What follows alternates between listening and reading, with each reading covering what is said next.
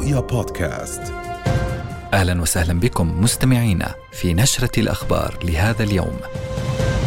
أهلا ومرحبا بكم في نشرة الأخبار الرئيسية من رؤيا قبل تفاصيلها إليكم عرضا لعناوينها. حشد عربي قمة العقبة الثلاثية تبحث مأساة غزة ومستجدات الضفة الغربية. مساءلة أممية الأردن يقدم مرافعاته القانونية لدعم دعوى جنوب أفريقيا ضد الاحتلال. ثمن الحرب. عدد الشهداء في غزة يتسارع على وتيرة قصف متواصل. رد قاس. القوات المسلحة اليمنية تستهدف سفينة أمريكية تقدم دعما للاحتلال. أموال الأردنيين بعد مخاوف من تناقص الفائض المالي الضمان الاجتماعي تؤكد أن أموال الأردنيين بأمان وأن المؤسسة وجدت لتبقى. من عناوين النشرة إلى تفاصيلها.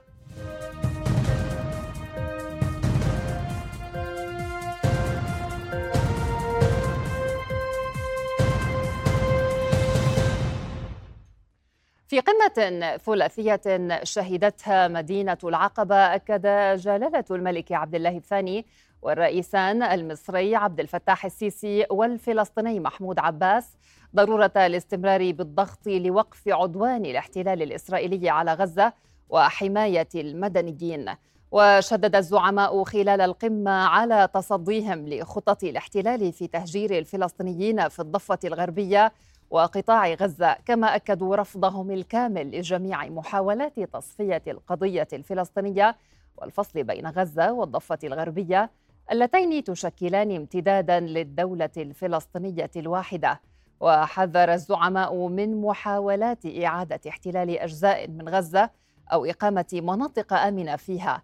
مؤكدين ضرورة تمكين أهالي القطاع من العودة إلى بيوتهم مجددين التأكيد على ضرورة إيصال المساعدات الإغاثية والإنسانية إلى غزة. ونبه الزعماء إلى ما يجري بالضفة الغربية من أعمال عدائية وانتهاكات من المستوطنين بحق الشعب الفلسطيني والمقدسات الإسلامية والمسيحية في القدس والتي قد تؤدي إلى خروج الوضع عن السيطرة. واتفق الزعماء على إدامة العمل المشترك لإيجاد أفق سياسي للقضية الفلسطينية يحقق السلام العادل والشامل على أساس حل الدولتين. قال رئيس الوزراء الدكتور بشر الخصاونة إن الأردن سيقوم بتقديم المطالبات والمرافعات والحجج القانونية اللازمة لدعم الدعوة التي أقامتها دولة جنوب إفريقيا لمقاضاة الاحتلال أمام محكمة العدل الدولية وأضاف الخصاونة في حديث له خلال جلسة مجلس النواب اليوم أن موقف الأردن لم يتبدل وهو متمسك بذلك بالصفة الرسمية وغير الرسمية. نتشرف بأننا نتصدى ونساهم ونشارك بالقدر الذي نستطيع أن نشارك به آه، وأن نقدم خبراتنا العلمية آه، في خدمة الشأن والقضية الفلسطينية. هذا لا يتبدل ولم يتبدل لا سابقا ولا حاضرا ولن يتبدل مستقبلا لا بصفاتنا الرسمية ولا بصفاتنا الشخصية. أعتقد بأن معالي نائب رئيس الوزراء وزير الخارجية وشؤون المغتربين كان واضح عندما تشرف بالمثول أمام آه، أحد الإحدى اللجان في هذا المجلس الأسبوع الماضي وقال بوضوح بأن موقف الدولة الأردنية والحكومة الأردنية بأن الدولة الأردنية والحكومة الأردنية ستقوم بتقديم المطالعات القانونية والمرافعات اللازمة حالما وعندما تقرر محكمة العدل الدولية. وهذه قضية ليس رأي استشاري. هذه قضية مبنية على اتفاقية منع الإبادة الجماعية. ستقوم المملكة الأردنية الهاشمية بتقديم المرافعات وتقديم الحجج القانونية آه، وستمثل أمام المحكمة حالما وعندما تقرر المحكمة أن تنظر في هذه في هذه القضية.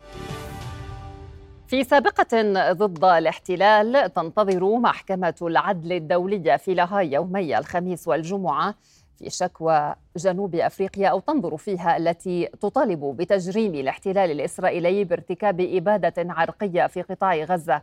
ووصل القاضي الدولي عون الخصاونة إلى مقر محكمة العدل الدولية التي كان نائب رئيسها قبل 15 عاما. فكيف ستجري المرافعات وما فحوى شكوى جنوب أفريقيا؟ مع دخول العدوان على غزة يومه السادس والتسعين واصل جيش الاحتلال الإسرائيلي غارته على مناطق متفرقة مخلفا 147 شهيدا و243 جريحا في 14 مجزرة خلال الساعات الأربع والعشرين الماضية. لترتفع الحصيلة منذ السابع من أكتوبر إلى 23 ألفا و357 شهيدا بالإضافة إلى نحو 60 ألف جريح. وخلال الساعات الماضية استهدف الاحتلال بقصف مدفعي عنيف مخيمي البريج والمغازي. كما أوقع ثلاثة شهداء مزارعين شرقي رفح وشهيدا آخر وخمسة جرحى في غارة على مركبة قرب ملعب فلسطين في حي الرمال. واستهدف الاحتلال بغارة شقتين سكنيتين في حي تل السلطان غربي رفح مخلفا تسعة شهداء وعددا من الجرحى. كما أصيب آخرون بجروح بعد إطلاق مسيرات الاحتلال النار على مواطنين في سوق مخيم صيرات وسط القطاع.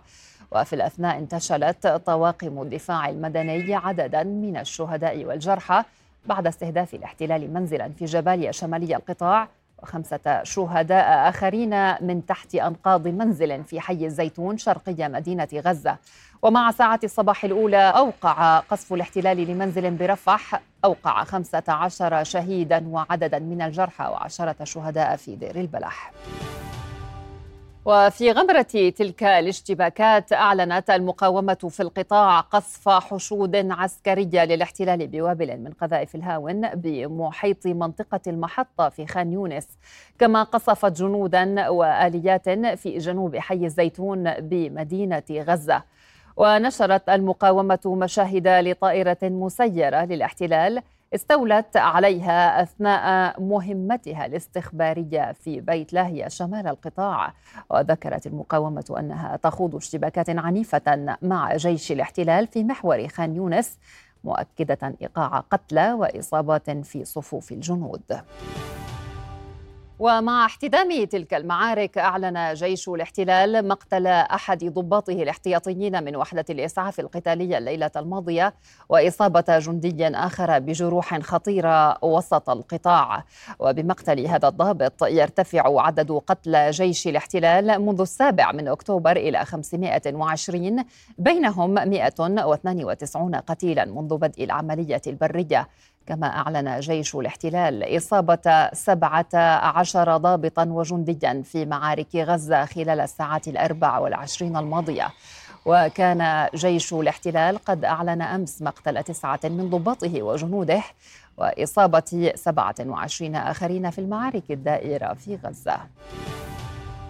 في ظل استمرار القصف على جميع مناطق القطاع حتى على تلك التي يدعي الاحتلال أنها آمنة في رفح تضطر عائلات إلى النزوح بعيدا نحو آخر نقطة على الحدود الفلسطينية المصرية هربا من نيران القصف. منذ بداية هذه الحرب أوضاع النازحين في كل المناطق بداية من شمال القطاع إلى مدينة غزة وصولا إلى المحافظات الوسطى ومن ثم خان يونس والآن في رفح. ولكن رفح الآن تشهد حالة نزوح مستمرة لكثير من المواطنين الذين قدموا من المناطق المهددة بفعل آلة الحرب الإسرائيلية. في هذه المنطقة آخر نقطة من الحدود الفلسطينية مع الجانب المصري. على يميني هنا الحدود المصرية ونحن نقف في آخر نقطة من الأراضي الفلسطينية في قطاع غزة. في رفح هنا في أقصى الجنوب آه، يقول رئيس بلدية رفح إن عدد المواطنين الفلسطينيين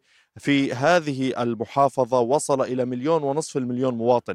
معي هنا أحد المواطنين الذين قدموا من من مدينة غزة ويصنع خيمة الآن. والله بنعمل خيمة في رفح. قالوا لنا روحوا عن صراط رحنا عن صراط طلعنا من انصراط روحوا على الدير. امبارح قالوا اطلعوا من الدير روحوا على رفح. هينا على حدود بندق في خيمة قاعدين. مش عارفين وين نروح وإيش نسوي. طب اليوم إحنا يعني أنا شايفك جاي لا عفش معك ولا إشي يعني جالس على رمل السوافي كأنه في صحراء. كيف بدك تدبر أمورك أمور عيلتك؟ والله الأمور صعبة العيلة في نتفة والأولاد في مدرسة وهو طلعنا من عند جيراننا كنا ساكنين عند جيراننا في انصراط. طلعنا وقالوا هنا بتدشر إغراضك في نتفة وتروح في نتفة. وين ما تروح بضلوا الإغراض زي ما هم مرميات وبتيجي أنت شارد. جبنا القلانين الزيت هدول إن نعمل لهم هنا حمام. إيش بدنا نسوي؟ لا ملاقيين حمام ولا ملاقيين ستره وخ- مش عارف يعني الواحد وين يروح وإيش يسوي إيش يعمل مش عارف. مش لاقي غيرها أنا هي رابع رحلة رابع رحلة. رابع ترحيلة إلي عشان محمد سرخ هي رابع ترحيلة. وين نروح بعد هيك؟ وين بدنا نروح؟ ما ضلش مجال. بس ربنا كبير يطلع لنا. ربنا يحمينا ويحمي الجميع. طلعنا من البريج على الزوايده وهي تجينا هنا إلى آخر نقطة في في قطاع غزة. ما ضلش قدامنا هيك غير الحمد لله رب العالمين غير إخواننا المصريين. وإن شاء الله عاد الأمور تخلص. إذا بدها تخلص الصعب إنه اندازت كرامتنا. عشان إيش؟ عشان مصالح شخصية. بس. هي اللي إحنا بنعيشه. مصالح شخصية فقط. عشان فلان يلم مصاري وفلان يموت. هذا اللي شفته ابن أخوي ولاد أخوته اثنين استشهدوا واحد أخذها الأول على المدرسة جاب 99 عشر طلع اسمه في كلية الطب يسافر على الجزائر بمنحه وأخوه الثاني في أولى ثانوي استشهد واخذ الأول على المدرسة الثاني نزلوهم على النت وهم بتكرموا. إحنا بنترحل من اليوم بدنا نبات في الخلا بين السماء والطارق فلا إن مأوى ولا لنا حدا ولا لنا حاجة. بقيت أحسن عيشة عايشة آه لقيت أحسن عيشة عايشة. وبقينا فرحانين في اللي بدي جيت من الحج السنة هذه حجيت. وبعد ما حجيت ب 10 أيام نجح ابننا. وخذ الأول وطلعت له منحه على الجزائر بده يسافر في كلية الطب. طلع اسمه دكتور يتعلم دكتور. رحنا بدنا ناخذ عم نعمل له حفلة. ونودعه على المعبر ودعناه على الصحراء. ودعناه على الصحراء. والله ما ودعناه حتى دفنوه بشوفنا. وصلت أعداد الفلسطينيين النازحين إلى هنا إلى أقصى نقطة في رفح إلى مليون ونصف المليون مواطن فلسطيني. غالبيتهم بالفعل قدموا من شمال القطاع ومن مدينة غزة والمحافظات الوسطى التي تتعرض في هذه اللحظة لتهديد مستمر ولقصف وأحزمة نارية تنفذها طائرات الاحتلال الحربية في المناطق السكنية المأهولة بالسكان. الهرب من الموت هي مهمة صعبة بالنسبة لهم. هم وصلوا إلى هذه النقطة الأخيرة على الحدود المصرية ويتساءلون ما الذي تحمله الأيام المقبلة بالنسبة لهم. غاز العلول من أقصى جنوب قطاع غزة على الحدود المصرية الفلسطينية. رؤية والآن أيضا ينضم إلينا مرة أخرى مراسلنا غازي العالول غازي أهلا بك. يعني الحرب على مشارف أن تتمم مئة يوم. كيف لك أن تصف الأوضاع بشكل عام في قطاع غزة الميدانية؟ الوضع في رفح وأيضا مدن شمال قطاع غزة. نعم مساء الخير وتحية لك ليلى. عمليا نشهد تحول كبير في الميدان خاصة في محور المحافظات الوسطى. من هناك انسحبت قوات الاحتلال بشكل كبير بالتحديد من منطقة دير البلح كذلك مفترق المطاحن ما يعرف سابقا بحاجز أبو هولي. وهذا بالتأكيد يدلل على أن الاحتلال بدأ تحت ضربات المقاومة ينسحب في ضوء استمرار هذا التصدي والاستبسال من قبل المقاومة الفلسطينية. هذا المحور بالتحديد شهد خلال الأيام الماضية شراسة في المعارك خاصة بعد فيديوهات مصورة خرجت بها كتاب القسام وسرايا القدس وكذلك فصائل أخرى تدلل على أن المقاومة استطاعت تدمير عدد كبير من آليات الاحتلال. يقول أبو عبيدة إنهم دمروا نحو 42 آلية عسكرية في محاور القتال ومحاور القتال هذه هي في المحافظات الوسطى وكذلك في مدينة خان يونس بالإضافة إلى قتلهم 22 جنديا إسرائيليا في بيانه الذي خرج بالأمس. هذا بطبيعة الحال يؤشر على أن الميدان ليس ساحة للنزهة للاحتلال الإسرائيلي بل على العكس تماما. هم يتلقون ضربة تلو الأخرى في هذه المناطق ولكن عمليا في مناطق أخرى لا زال القتال مستمرا. في مدينة خان يونس بالتحديد من ثلاثة محاور رئيسية منطقة أصداء بلدة خزاع وكذلك منطقة تنسهيلة هذه المناطق تشهد معارك شرسة منذ بدء المرحلة الثانية من هذه العملية العسكرية البرية في الجنوب. وبالتأكيد المقاومة أيضا تواصل الرد بالأسلحة البسيطة والمحلية الصنع.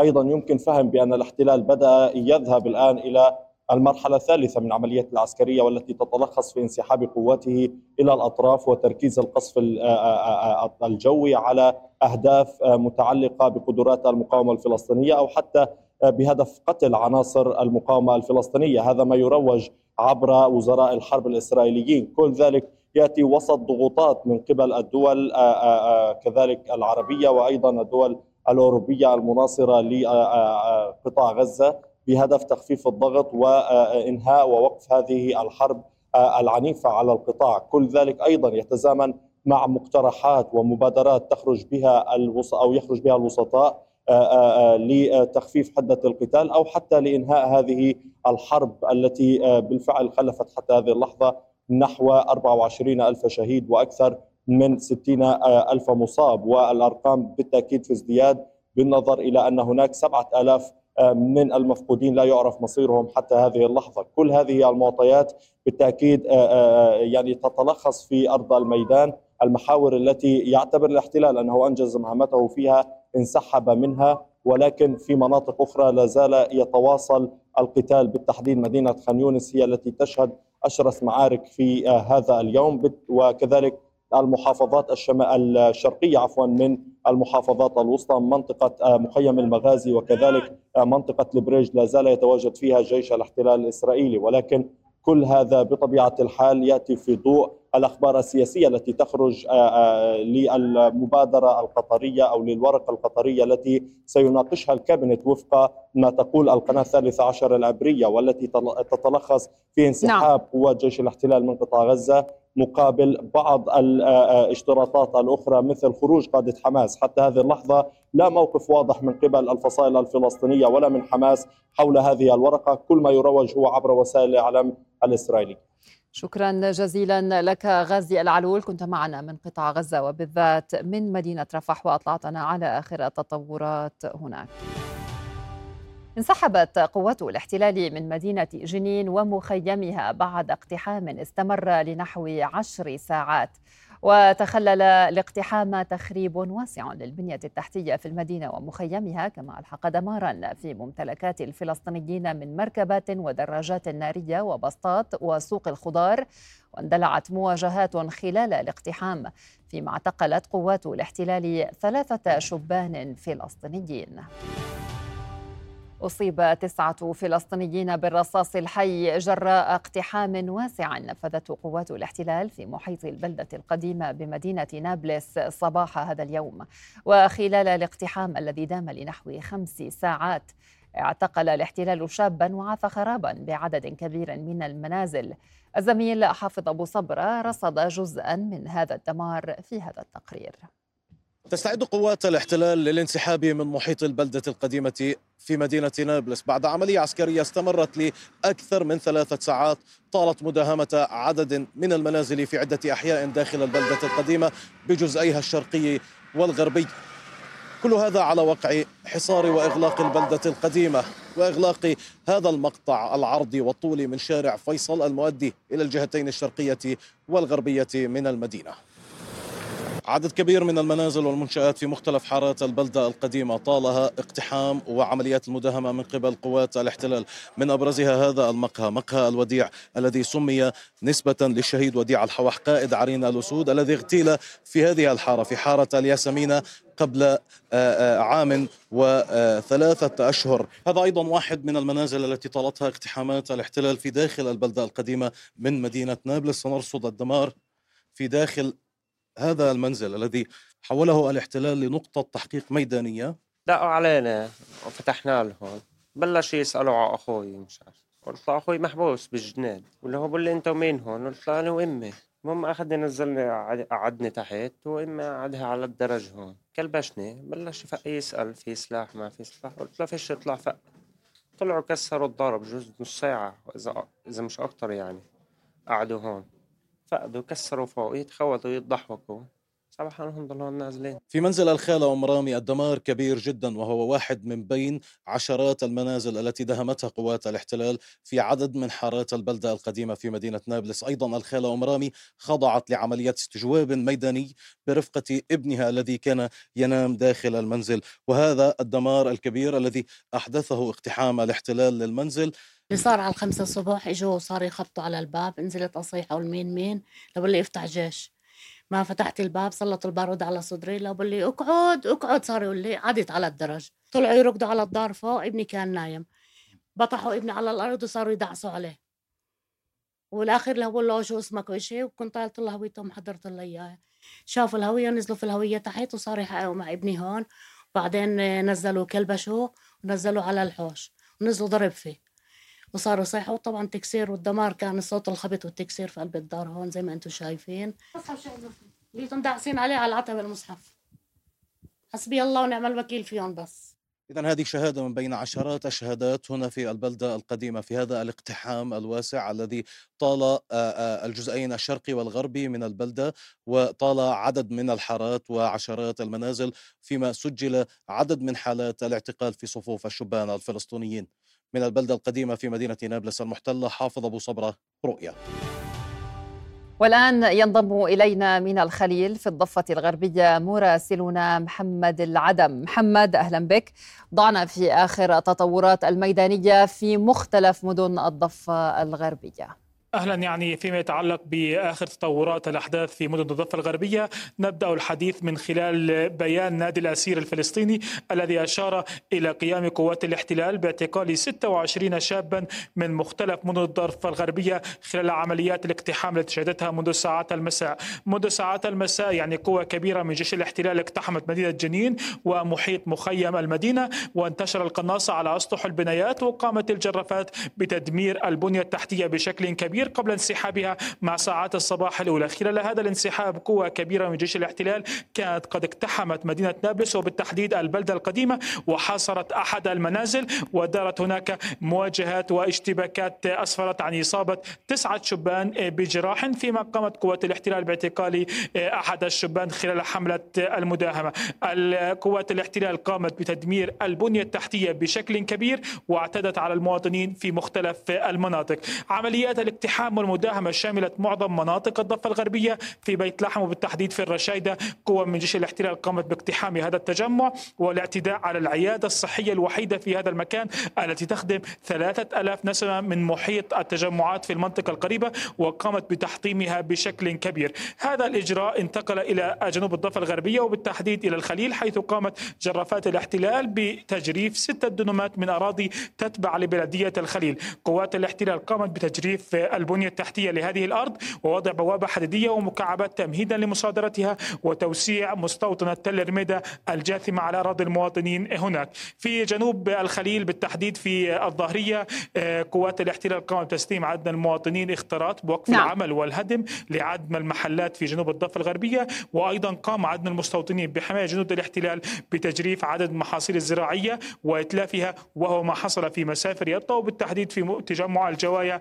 حيث قام المستوطنين تحت تهديد السلاح بالاعتداء على المواطنين وإطلاق الرصاص عليهم وتخريب محاصيلهم الزراعية والاعتداء على الماشية وهو أيضا ما حدث نعم. في منطقة السموع في ظل استمرار المستوطنين في جنوب الضفة الغربية بالعربدة والاعتداءات والاعتداء على ممتلكات المواطنين وخاصة المحاصيل الزراعية حيث يقومون بتدميرها بتدميرها وتقطيع أشجار الزيتون بها وكل ذلك يحدث تحت مرأى جنود الاحتلال الذين يوفرون الحماية الكبيرة نعم. لهؤلاء المستوطنين محمد العدم شكرا جزيلا لك كنت معنا من الخليل وأطلعتنا على مجمل التطورات في مختلف مدن الضفة الغربية. قطاع غزة جزء من فلسطين ولا يمكن القبول بمخططات الاحتلال لفصله أو اقتطاع أي جزء منه، هذا ما أكده الرئيس الفلسطيني محمود عباس لوزير الخارجية الأمريكي أنتوني بلينكن الذي يزور المنطقة في جولة هي الرابعة له منذ اندلاع الحرب بين الاحتلال وحركة حماس. وأكد عباس لدى استقباله بلينكن في رام الله ضرورة الوقف الفوري لحرب الإبادة التي يتعرض لها الشعب الفلسطيني في غزة والضفة الغربية بما فيها القدس الشرقية.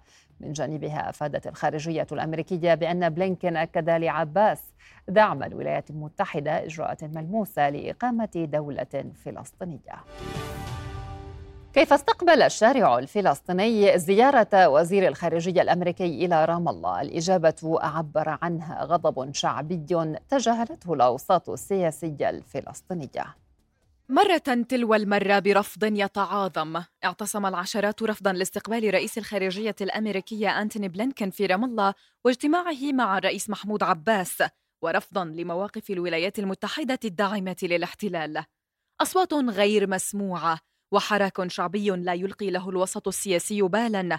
فخلال الوقفة استقبل الرئيس عباس بلينكن في مقر الرئاسة وبحث عدة ملفات كانت مقررة. منها الرغبة الأمريكية في اتخاذ السلطة الفلسطينية دورا في قطاع غزة بعد الحرب بشرط إجراء إصلاحات داخلية في السلطة. كما يناقش الطرفان مشاركة السلطة في بعثة الأمم المتحدة إلى قطاع غزة. أما الرئيس عباس فطالب بوقف العدوان على القطاع ومضاعفة المساعدات الداخلة إليه. من المعطيات اللي إحنا بنشوفها بلينكن هو اللي قائد الحرب ضد الأطفال في شعبنا. آه، وبعيش بالازدواجية المزبوط. يعني بعطوا رأي شكل. أمريكا الأطفال اللي قتلوا بإيدي بسلاح أمريكا. بتخطيط أمريكا. بالفيتو الأمريكي. فإحنا يعني يفترض يفترض لما بيجي بلينكن ما حدا يستقبل عنا لأن في الأساس في الأول والأخير هو أساس الحرب ضد شعبنا. فلسطين حرة حرة وبلينكين يطلع برا! ملفات هي ذاتها تقريبا منذ الزيارة الأولى لبلينكين الذي يمثل ولايات هي الداعم العسكري الأول لحكومة الاحتلال في العدوان على غزة والغطاء السياسي لها أيضا. فهل يخفى هذا على السلطة الفلسطينية مثلا؟ نحن دعونا القيادة الفلسطينية للامتناع عن استقبال مبعوثي الإدارة الأمريكية لأنه لا جدوى من ذلك. ونحن لا نزال ندعو إلى هذا الأمر ولكن هناك طبعا اعتبارات دبلوماسية ربما تكون هنا أو هناك ولكن في اعتقادنا أن من الخطأ استقبال أي مبعوث للإدارة الأمريكية طالما أنها تدعم وتشارك في العدوان على قطاع غزة. لقاء هو الخامس بين الطرفين. يتزامن مع قمة ثلاثية اليوم في العقبة. تجمع ملك الأردن عبد الله الثاني والرئيسين عبد الفتاح السيسي ومحمود عباس. هي الأولى لهم منذ اندلاع الحرب على قطاع غزة في تحركات دبلوماسية لمحاولة وقف العدوان على القطاع.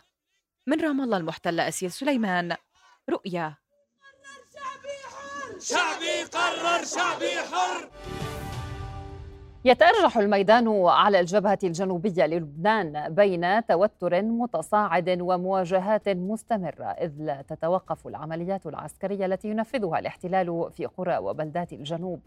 فقد استهدف قصف فجرا منزلا في كفر شوبة في قضاء حاصبية تسبب في استشهاد عنصر من حزب الله. وشن الطيران الحربي المعادي غارة على منزل خال في بيت ليف كما سقطت أربع قذائف مدفعية على بلدة كفر كلا ما أدى إلى استشهاد مواطن. وطال القصف المدفعي الأطراف الشرقية لبلدة أم التوت في القطاع الغربي. وأطراف بلدة الخيام وتلة حمامص وضهيرة والجبين ويارين وعيت الشعب ورميش ويارون.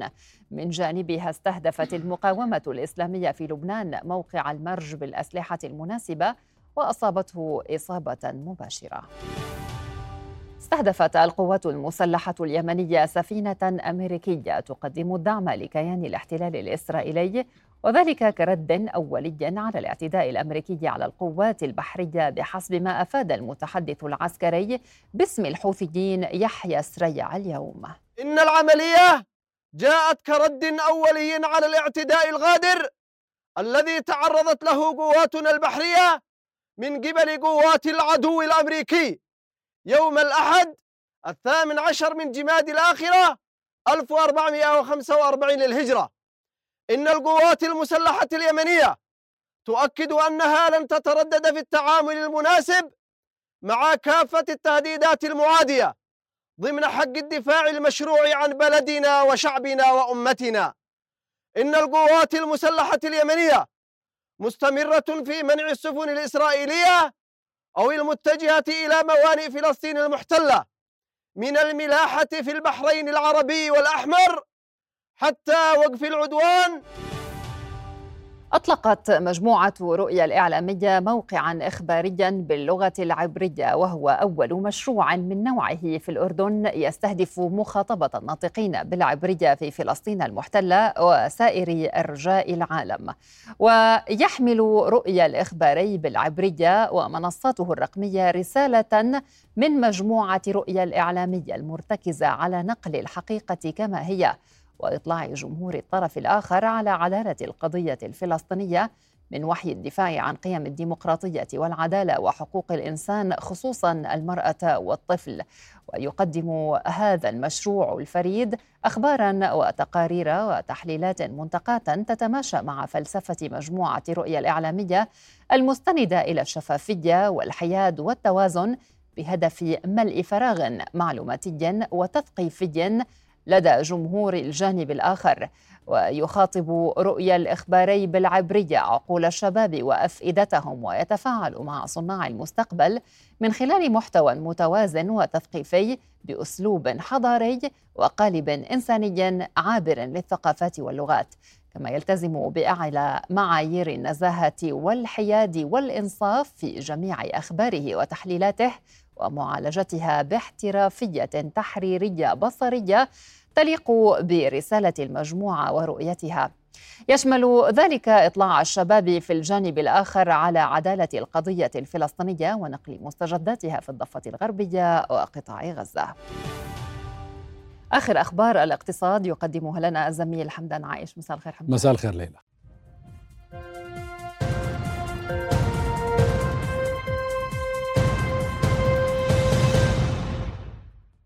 أهلا بكم.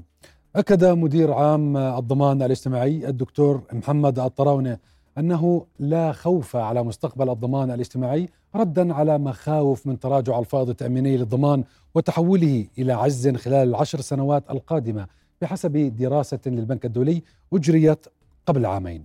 ولمزيد من التفاصيل انضم إلينا عبر الهاتف مدير عام مؤسسة الضمان الاجتماعي دكتور محمد الطراونة أهلا بك دكتور. مساء الخير. مساء الخير دكتور. دكتور بداية ما هو الفائض التأميني؟ الفائض التأميني آه، سيدي إحنا آه، المنتفعين من مؤسسة الضمان الاجتماعي بالعادة ينقسموا إلى قسمين. قسم المشتركين في الضمان الاجتماعي واللي بيكونوا على رأس عملهم واللي يؤدوا اشتراكات إلى مؤسسة الضمان الاجتماعي. وهاي الاشتراكات بتمثل جانب الإيرادات المالية للمؤسسة العامة للضمان الاجتماعي. وبالمقابل في عندنا سلة المتقاعدين من الضمان الاجتماعي وهذول بيمثلوا سلة النفقات. وبالتالي في عندنا ناس تدفع مصاري للضمان وفي عندنا ناس الضمان بدفع لها مصاري. يعني في مشتركين وفي عندنا آه، متقاعدين. هلا إحنا بحمد الله وشكره في المؤسسة العامة للضمان الاجتماعي. آه، منذ تأسيسها ولغاية هذا التاريخ جانب الإيرادات ما يدخلها من أموال يتجاوز آه، نعم. آه، سلة النفقات. نعم. وهذا الأمر سيستمر. نعم. دكتور أرقام مؤسسة الضمان الاجتماعي أظهرت تحسنا في العام 2022 بعد تراجع في الأربع سنوات جلها في في عام كورونا. ماذا عن عام 2023 آه سيدي في العام 23 آه يعني لا يختلف كثيرا عن العام 2022 بال 22 كان في آه, يعني قفزة نوعية ولكن هاي القفزة النوعية حقيقة هي كانت بسبب التراجع اللي كان موجود في سنة 2020 وال 21 وبالتالي كان في تحسن نسبي أعلى بال 2022 بال 23 في تحسن ولكن ليس بنفس القفزة اللي صارت نعم. بال 22 ولكن كان في تحسن بال 23 بلا شك. نعم. طب ما هي أسباب تراجع الفائض التأميني؟ ومدى خطورته على الوضع المالي للمؤسسة؟ تراجع الفائض آه، هو شيء متوقع من الدراسات الاكتواريه السابقة لأنه كل نظام آه، تقاعدي في العالم آه، مع مرور الزمن يصل إلى مرحلة بنسميها إحنا مرحلة النضج، مرحلة النضج إنه أول ما يبلش أي ضمان اجتماعي بتلاقي إنه الإيرادات عالية لأنه الناس المشتركين بدفعوا مصاري. نعم. بعد مرور 20 30 سنة ببلشوا المتقاعدين. نعم دكتور.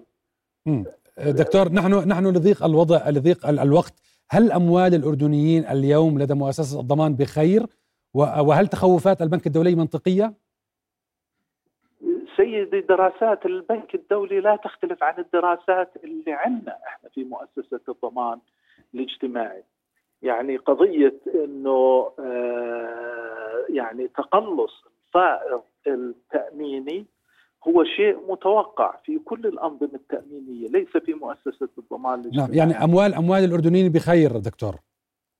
يا سيدي لا خوف على مستقبل الضمان الاجتماعي وهاي المؤسسة وجدت لتبقى لهذا الجيل وللأجيال القادمة. نعم وبإذن الله ستستمر نعم. لسنوات طويلة. نعم دكتور مدير عام مؤسسة الضمان الاجتماعي دكتور محمد طراونه كنت معنا عبر الهاتف شكرا جزيلا لك. لهنا نصل لنهاية أخبار الاقتصاد عودة إليك ليلى. شكرا حمدان.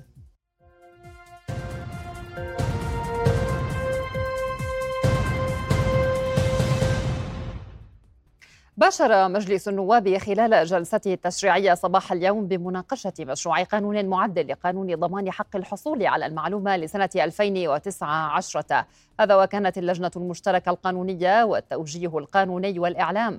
قد أدخلت تعديلات محدودة على مشروع القانون الذي ورد للمجلس قبل أربعة أعوام أبرزها وجود نقيبي الصحفيين والمحامين وممثلين عن المجتمع المدني ضمن عضوية مجلس النواب. الذي عفوا مجلس المعلومات الذي يتشكل وفق أحكام القانون. إلى هنا نكون قد وصلنا لنهاية هذه النشرة إلى اللقاء.